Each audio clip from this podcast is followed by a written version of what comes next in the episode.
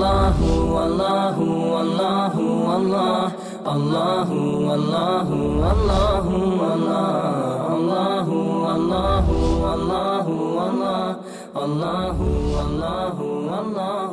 والله ذاك العادم في علا من أبدع الكون سوى. الحمد لله رب العالمين والصلاة والسلام على رسول الله محمد وعلى آله وصحبه أجمعين. أصلا نسمي مبطر بلا هو كاجي Smatram da, uh, alhamdulillah, da ste od hajra, da, da volite da čujete. I mislim da ću vam ovo koristiti. Onaj, samo meni kad pričam o nekim stvarima, o nekim temama, iako su meni duboko, i znam ih precizno, ali opet kad ih izgovorim pred ljudima, kao da sam sebe držim predavanje. Tako da ima to i onaj da efekat da, da, da te moje misli kad vam iznesem, da djeluju pozitivno samog mene, a za lao pomoć nadam se da će i u vašim srcima naći prostora i mjesta. Pa ko se koristi, alhamdulillah, u njegovu korist. Ko se ne okoristi, ima popravni. Pametan čovjek se uči na tuđim greškama i sluša govor i slijedi najbolje. A onaj manje je vrijedan od toga, nauči se shodno iskušenjima. Jer pogledajte, uh, život je takav. Neka te nauči na lahak način nekim lekcijama, a nekada težak. Do koga je do tebe. Jer ima ljudi svjesno nekad idu u neko iskušenje, znaju da je neispravno, ali ipak ide tim putem koji je neispravan. I tako ga gorko, teško, jako, život nauči toj lekciji da je nikad ne zaboravi. Ali uglavnom, kad svi manje više ostarimo, svi naučimo. Ali neko na lakši način, neko na... Pa ovaj što je na lakši način, što je od mladosti slušao mudrosti, kao što Jahja bio, pa ga Allah odgoji od malih nogu. Wa ataynahu al-hukma sabiyya, kaže Allah, dali smo mu mudrost i znanje još dok je dječak bio. Kao što je Ibn Abbas, kao što je Ibn Omer, kao što su ti mladići onaj, Islama, a ima ih mnogo u Islamu, koji su od malih nogu pokupili mudrost i znanje starijih i nisu škrtali, škrtarili da to provedu u praksu. Pa im je Allah učinio njihove živote lijepim i lagodnim. I nije život puno lupao po glavi. Jer su znali pravi put. A neko ne želi. Neko i, ne, neko i ne zna, a neko i stvarno ne želi. Iako sluša i čuje, ali ne, ne ja ću, kaže, da ja ipak prođem ovim putem, nek je trnovito, nek me život nauči. Onda ga dobro život nauči, dobro ga iskuša. I onda kad on ostari kaže, e, da sam ja, Bog da ovako drugačije. E, nemojte, kaže, vi djecu. I onda se ponavlja lekcija i to tako, Allah, da u krug sve ide.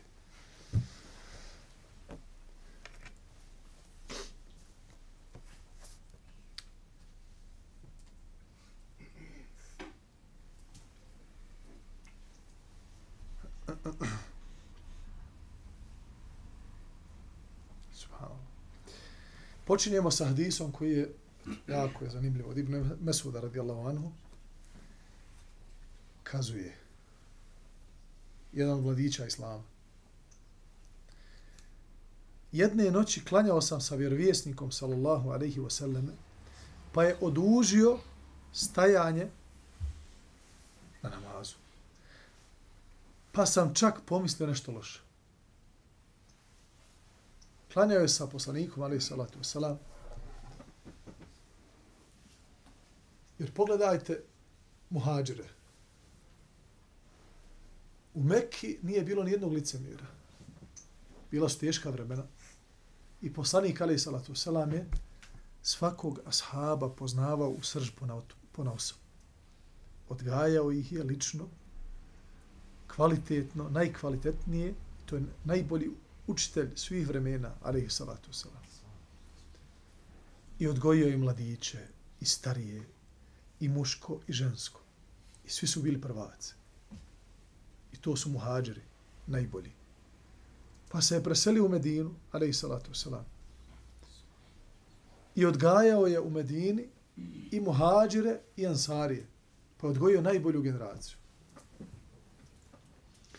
I posvećivao se svakom pojedincu. I rezultat tog njegovog posvećivanja svakom pojedincu, kome se on posvećivao, vidimo da se izdvojio po nečemu nad ostalim ljudima. Poput Ibn Mesuda, poput Ibn Abbas, poput Amidžića. E, neću moći ovako, kr, kr, kr, kr. morate nešto raditi. Ajde. Samo mu uzmi, uzmi mu jer nastavit će.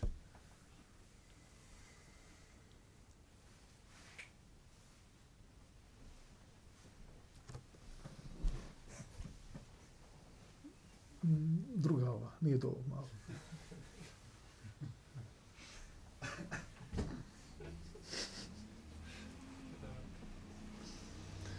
Džaba je, to mi je mahan, evo, poznajete. Znači, ako ja držim predavanje i nešto se čuje pozadnje, ja to neka iz nekih razloga, ne znam to, ne mogu da odgonijete, ja to toliko eksplicitno i precizno čujem, da sav moj fokus ode na to. I ne mogu da pričam. Čabaj. Molim Allah da se riješim tog belaja, ali Haman će teško. Jer mi u nekim drugim situacijama dobro koristi.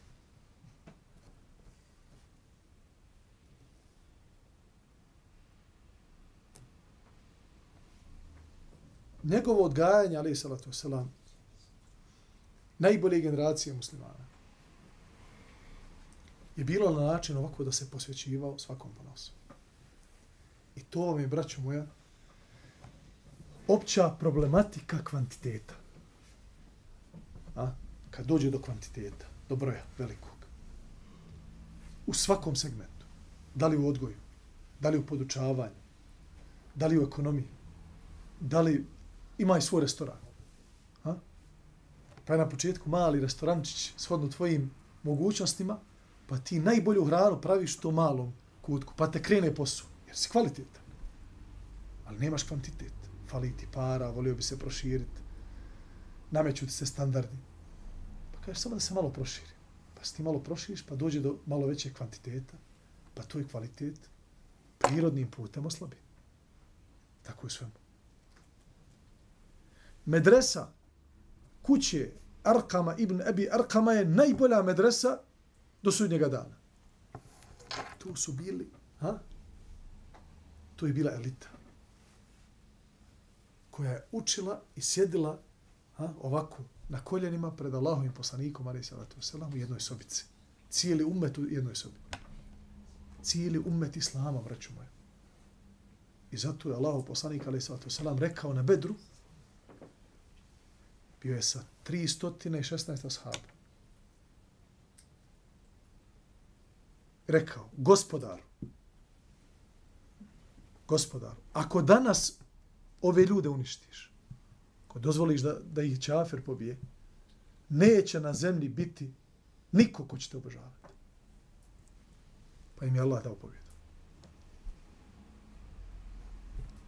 Čuje mi tu hemsku Allaha.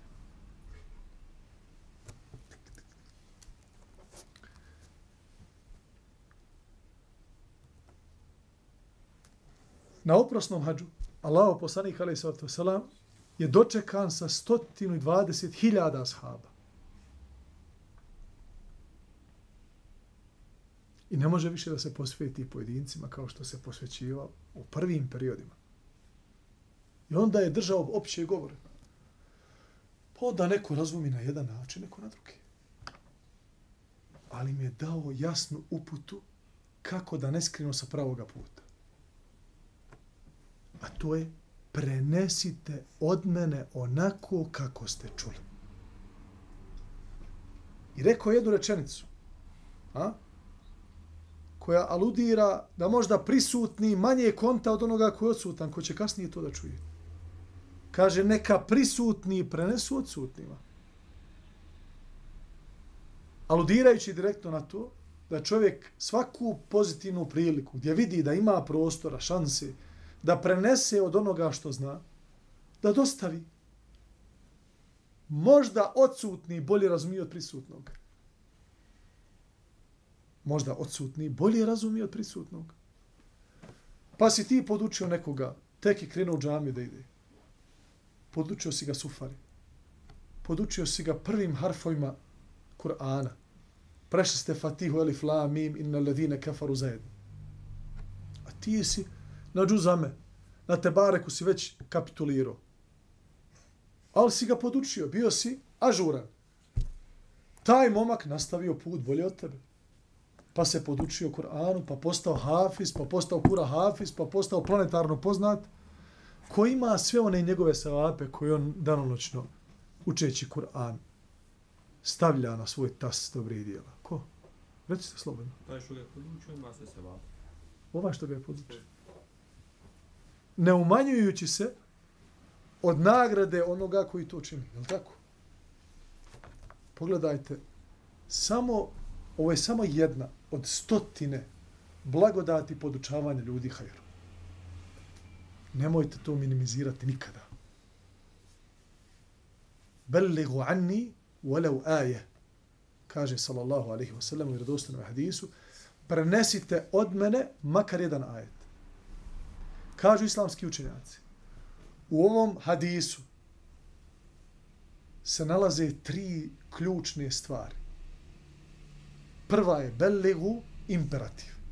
Kaže obaveza. Obaveza. Allah poslanik svima rekao nama, prenesite. Nije rekao, učenjaci trebaju da prenesu. Vladari trebaju da prenesu. Imami trebaju da prenesu. Ne. Prenesite od mene svi. To je obaveza, imperativ. Anni, to je tešrif. To je uh, tešrif na bosanskom jeziku označava veličanstvenost, označava uh, orden. Znači ti si odlikovan sa nečim posebnim. Onog trenutka kada prenosiš kuranski ajet ili neki hadis, ti si odlikovan da to prenosiš od Rasulullah a.s. To je veliki stepen i počast. Tešrif je počast. Prvo je obaveza, pa je onda počast, a zadnje je tahfif, olakšanje an walau aje. Makar jedan ajet. Pa ne znam ja Kur'an na pamet, pa ne znam ni Buhari, nisam nikad pročitao, ne znam ni muslima. Brate, jedan ajet. Sjedi na sjelo i reci Alhamdulillahi Rabbil Alamin. Neka je sva hvala gospodaru svih svjetova. Braćo moja, nemojmo biti nezahvalni jer na zahvalnost Allahu na njegovim blagodatima polači sa sobom gubitak isti.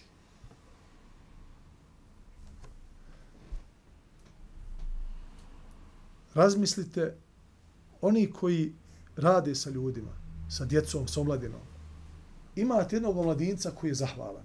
Griješi on. Pravi greške. Nekad je nemiran. Nema, nekad, subhanallah, men dođu djeca na trening. Tačno vidiš da su svi u tom danu nekako čudni čudno im ponaše, nisu raspoložen, nešto utiče na njih. Sad šta ja stvarno ne znam, nisam u tim nekim vodama i tim nekim naukama, da li vremenske pogode, nepogode, šta može, kako. Ali vidiš jednostavno, do, dođe dan da Allah sačuva. Znači, samo govoriš, vola havle, vola kuvete ila bila. Šta im je svima? Dođe dan, maša Allah, ko pčelice, svi fini, nasmija raspoložen. Kažeš, maša Allah. Ali imaš dijete, trudi se da bude zahvalno, da dođe da te fino poselami, slušate na treningu, uputite lijepu riječ. Kad napravi grešku, a? Spustiš pogled, zažmiriš. Opet napravi grešku, ti raz... zašto? Pa, fino dijete, odgojeno, zahvalno, trudi se, nije savršen. Imaš ovog drugog, Allahumma salli ala sayyidina Muhammed, znači, nema čoška, pa učena ne može od njega ostati. On je skida, s ramenima, s rukama, skače, ti mu kažeš, hajde vamo nadje tamo. Ti kažeš, hajde ovamo sad, ne, ne, on ostaje tamo. Sve u kontru. A nema ti. Znači, on, njegova volika greška je u tvojim očima volika. To je, subhanallah. Jel mi možemo protiv toga? Ne možemo. Ne možemo protiv toga. Ok, natjeraš sebe, a zagrizeš, da budeš pravedan prema svima, da, da daniš svakome njihov hak, da, ne uskratiš tom djetetu koji je čak i nemirno, nemoj mu uskratiti. Odgojit će se jednog dana. Ako poštuje osnovne postulate, ako znači ne radi razdor među zajednicom, jer u tom momentu zajednica, zajednica je prećao pojedinca. Ako će pokvar zajednicu, kloni ga. Skloni ga dok se ne ozbilju. Dovedi mi ga, brate, za tri godine. Ne, nema, ne može ostati ništa od njega. Nemoj Allah, ti ga nosi ka kući. Kvarit ćemo malo što smo radili, pet godina radim s djecom.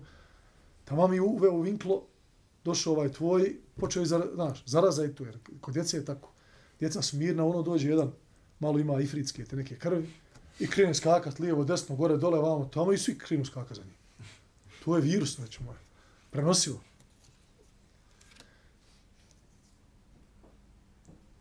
Tako je Allahom isto zakon. Zahvalan rob, zadovoljan rob, zahvalan, zadovoljan. Griješi on, kaje se, trudi se, gospodaru, hvala ti na svemu da Allahom poveća. Vala in šekartu, le ezidem neko.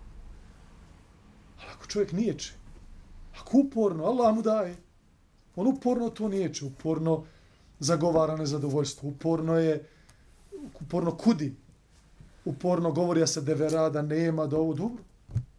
Allah će da siromaštvo, bit će ti ovdje upisano. Između dvije obrave. Znači, trčat ćeš za dunjalukom i dan i noć on će bježati od tebe. Jer si nezahvalan. Neće ti se dati. Okreni ploču, brate. Pa šta da radim? Pa postani zadovoljan. Kako? Pa natjeraj se. Natjeraj se, pusti standarde. Vidi, stavi na papir. Mnogi naši problemi u životu bi se riješili jedan po jedan. Onoga momenta kad bi na, naslov uzeo papir i olovku. Kažeš, imam problem sa nezadovoljstvom. Fino napišeš. Nezadovoljan sam. I uzmeš dole i povučeš ovako par cr crta vodoravni. Odmah na početku, zašto sam nezadovoljan? Oluja mozgova, piš koji su to uzročnici što si ti trenutno nezadovoljan sa životom. Pod jedan, nemam dovoljno para. Pod dva, komšije me nerviraju. Pod tri, ženu ne mogu očima. Po četiri, djeca me, šta bi? Aha, hajmo sad do, do. Šta bi, po, po mom mišljenju, šta bi to moglo mene učiniti zadovoljnim? Šta? Više novca. Poslušna žena. A? Dobre komšije. Pa da ide malo više u džamiju, jer zadnji put sam bio prije tri sedmice. Više u džamiju. Kur'an. A, čekaj, čekaj, čekaj. Kur'an sam otvorio prije prije osam mjeseci. Uf, trebao bi se mu shafa lati, ali ne znam gdje u kući. Zadnji put kad sam ga ostavio, zaboravio sam. Dobro, treba više Kur'an otvoriti. I onda, ako nisi dovoljno pametan, uzmeš taj papir, su sve to, ako ispod pazuha, i zaputiš se nekom čovjeku za kojeg smatraš da je pametan.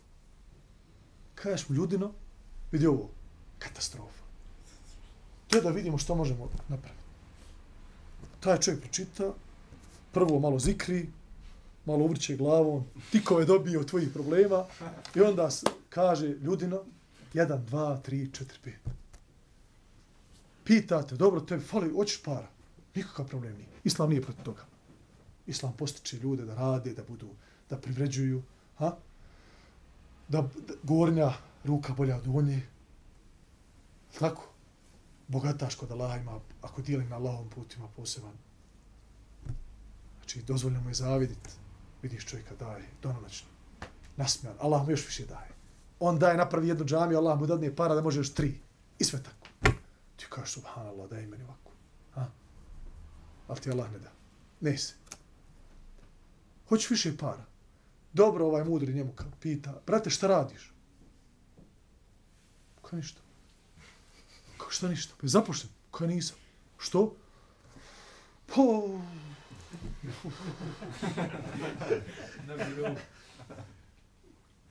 pa čekaj, pa ti nezadovoljan sa stanjem, nemaš para.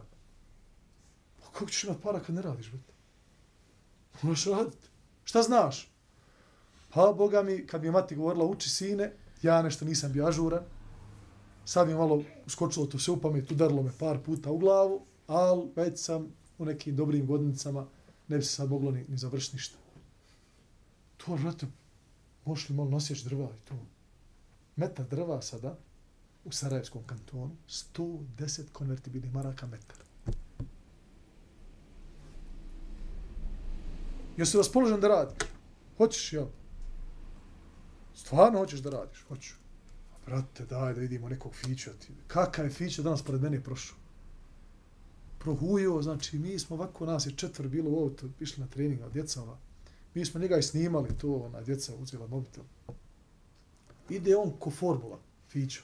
Kako je stari neki džedo ona napravio, preformuli su. Uglavnom otvorio mi je pozadvala da ne izgori onaj motor, da, da luftira. I ovaj njega nagas, prestiže oni BMW-ove, Audi, Mercedes, sve živo. Kupimo ti fiću i svaki dan odeš u šumu i vidiš oni suhi drva, malo je jako deblji, a? pola metra, metar, benzin, fićo troši 3 litra na 100 km, spustiš se, svaki dan peše stura, ti za 15 dana imaš u avli 10 metara drva. Koliko je to? 10 puta 110? 1100. Opa, Ah, bab se obogati. Sad je on, paša ide kroz čaršiju, ono, da Marku ovde, ajmo na burek, ajmo na piće. Jesi to proveselio? Jesam, kaj, brate. Čera mu se promijela, nije više onko tužan. Šta bi, šta je ono sljedeće? Pa kaj, komšije me ovo zezaju. Idi bolan komši, kupi nešto.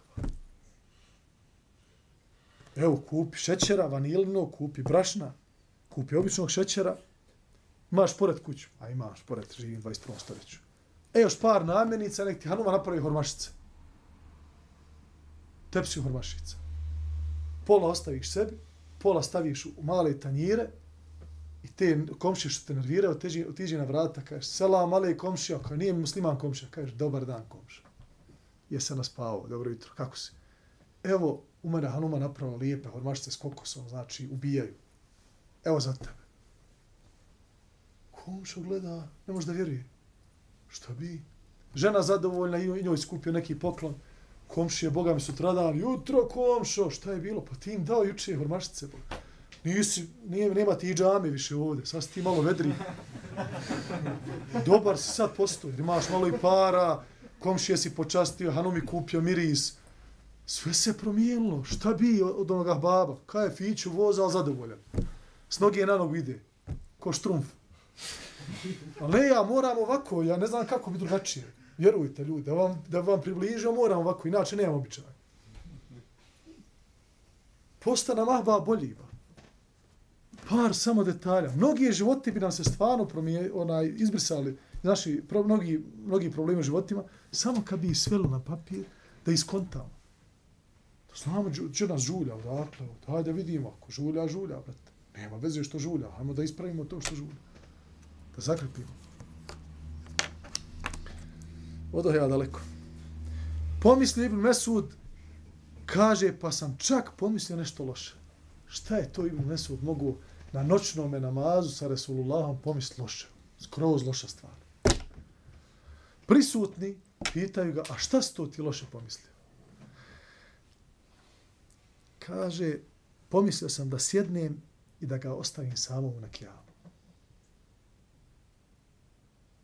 Znači, Ibn Mesud je smatruo, ako bi sjeo, poslanik Ali Salatu Selam ostao sam, sam na kijamu, ko da ga je pronevjerio. Znači, ostavio ga on ona. Ja nećeš, vala, kaže, kad... A? Ali to je Resulullah Ali Salatu Selam odgajao, braću moja. To su ljudi koji su svjetlo imana dobili sa, sa izvora. I zato je nama dr drago Znači, zato je meni drago da, ostvo, da otvorim vama Rijadu Salihin i sebi. I sebi vama. Jer je ovo izvor, znači već Nije bez razloga Allah dao veliki bereket u ovakvim knjigama. U Buhari, u Muslimu, u Nasaju, Ibn Mađi, u ostalim sunanima, u Musnedima, da, od imama Ahmeda, u Rijadu Salihinu, Arba'ina Neuvijevu. Zašto je Allah dao bereket toliki? To je taj izvor isti taj izvor sa kojeg su pili ashabi, Ibn Mesud i slični, koji su smatrali lošom namjerom i riječju i pomisli da ostavi Rasulullah samog na, na kijamu. Ma nećeš. I ostaje to, znači, taj njegov, to njegovo razmišljanje, te, taj njegov hem, znači to što ga je malo u glavi, ostalo da se o tome priča do dana sudnjega.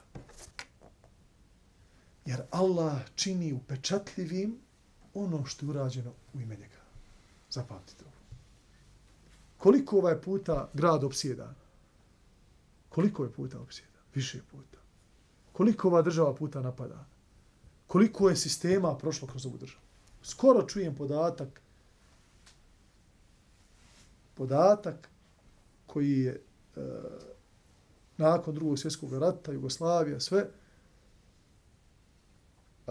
došla je na dnevni red odluka u Savezu komunista da se poruši stara čaršija i da se makne u džami. Da vas ne tušim tim detaljima, ostala čaršija, jer je neko izglasao, bilo je muslimana u partiji, joj, djeće Bošnjak, ono bio Mejtef, ona djeću da izglasam da se suši džamija, ne, neće se suši džamija, bilo je više glasova, više ruku protiv, manje za, nije se ništa srušilo. Pa Austro-Ugarska prije toga, svašta nešto. Pa Smalija povlačenje, pa, pa naki ustanci, pa ovo, pa ono, pa zadnja agresija na Bosnu i Hercegovini, tako da. Ima li Begove džamije dalje? Ima li medrese? Ima li Hanova? Gazi Hosrevbeg ostavi vakuf preko 500 godina, braćo. Hajde je 50. Ma i 50 je puno. 500 braćo. Pa ne znaju ljudi kako izgleda. Čije slika od Gazi Znaš koliko je živio? Ne znam, nije Allah. Gdje je rođen? Ne znam to. Vidi ti sigurno ne znam. Ali Allah upečatljivim ostavio njegova djela, jer su u najvjerovatniji Allah radi bila. Jer imamo mi pokazatelj imaju neki, imaju stvari koje ukazuju na nešto. Imaju stvari koje ukazuju na iskrenost, imaju stvari koje ukazuju na neiskrenost. Allah nekome je dao pronicljivost, znanje, da shvati jedno i da razluči jedno drugog.